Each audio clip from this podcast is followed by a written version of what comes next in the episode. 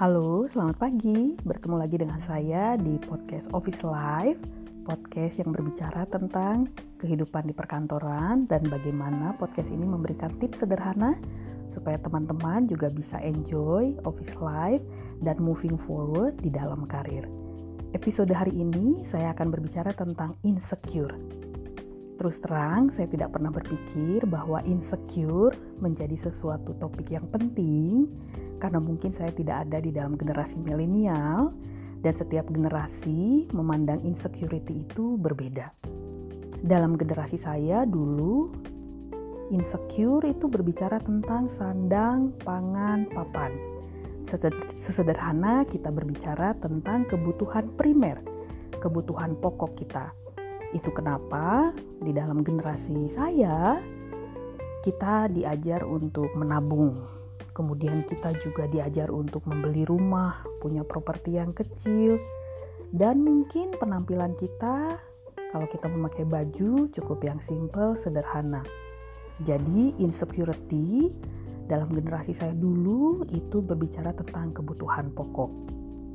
Ketika kita ketika saya banyak ngobrol dengan generasi sekarang, terutama generasi milenial, insecure ini banyak sekali aspeknya.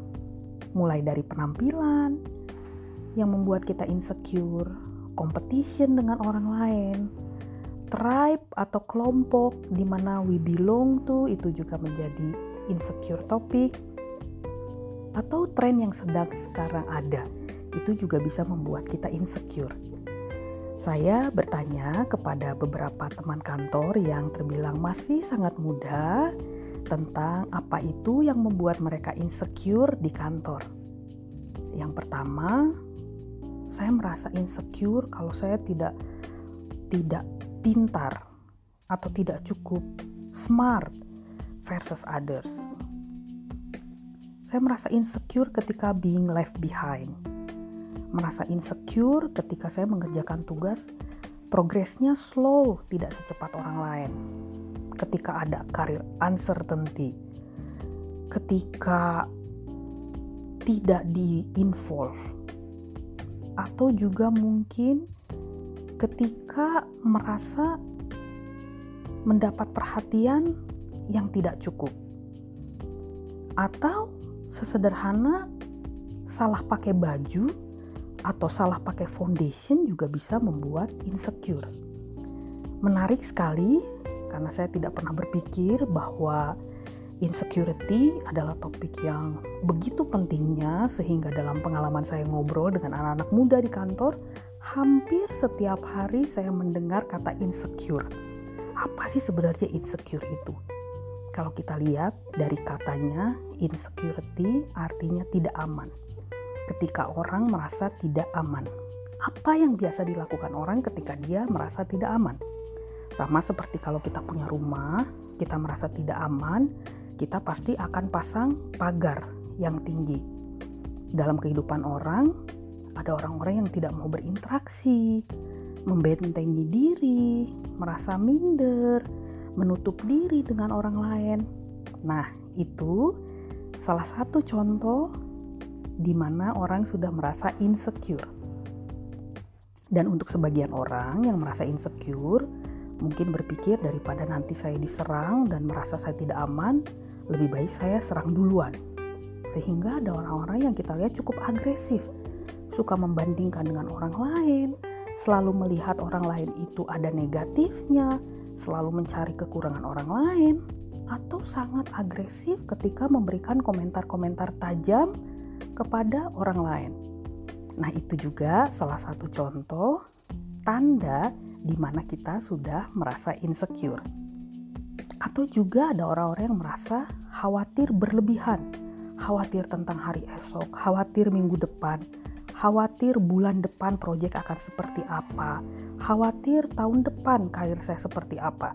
Jadi khawatir yang sangat berlebihan. Itu pun tanda di mana kita sudah merasa insecure. Kalau kita melihat kenapa beberapa orang termasuk kita merasa insecure, pasti ada faktornya. Yang pertama dan yang paling sering sekali dialami orang adalah trauma masa lalu. ketika masa lalu kita punya pengalaman yang buruk tentang insecurity, pasti itu akan terbawa sampai dengan sekarang. Yang kedua, mungkin kita sangat komparatif. Jadi segala sesuatu itu tentang membandingkan diri dengan teman, dengan saudara, bahkan dengan orang yang tidak kita kenal. Kalau kita browsing sosial media, kita merasa insecure dengan orang lain yang bahkan tidak kita kenal dan mereka pun tidak kenal kita. Dan ada juga orang-orang yang merasa insecure faktornya karena overthinking. Selalu berpikir berlebihan tentang segala sesuatu.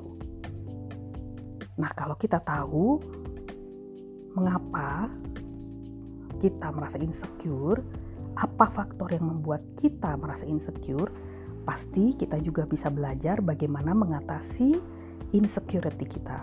Saya mau bagikan tiga tips sederhana saja yang saya pelajari dalam kehidupan saya dan juga semoga teman-teman semua bisa belajar.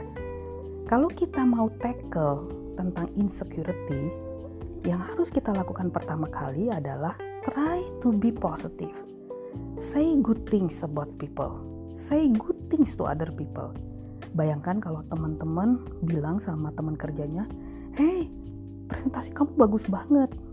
Not only people will hear it, will feel good, bahkan kita juga yang bilang sesuatu yang positif, yang baik tentang orang lain merasa feel good. Write good things, read good things. Kalau kita try so hard to be positive, eventually kita memang menciptakan culture di mana kita juga ingin menjadi orang yang positif. Yang kedua yang bisa kita lakukan, try to find your strength. Saya percaya setiap orang pasti punya kelebihan. Pasti minimal satu, minimal dua, setiap orang pasti punya kelebihan. Sesederhana kalau misalnya banyak orang yang bilang, kamu alisnya bagus banget. Wah kita merasa senang. Dan kita merasa, wah I have my own strength. Walaupun hanya sebatas alis. Tetapi itu membuat kita confidence. Kalau orang sekeliling kita bilang, your communication is good, you are very agile, I like your spirit, I like your presentation. Hal-hal seperti itu akan menjadi guideline kita menemukan sebenarnya strength kita itu apa. Yang ketiga, yang bisa kita lakukan, surround yourself with positive people. Get rid of those toxic people. Bayangkan kalau teman-teman di kantor berkumpul dengan orang-orang yang positif, kita merasa senang ada di tengah-tengah mereka, kita merasa bisa berkontribusi, kita bisa ketawa sama-sama, kita bisa belajar sama-sama, bahkan kita bisa overcome challenges sama-sama. That's a good people yang bisa surround ourselves. Jadi pastikan kalau kita mau tackle tentang insecure di dalam hidup kita, yang pertama try to be positive, yang kedua find your strength, dan yang ketiga, surround yourself with positive people.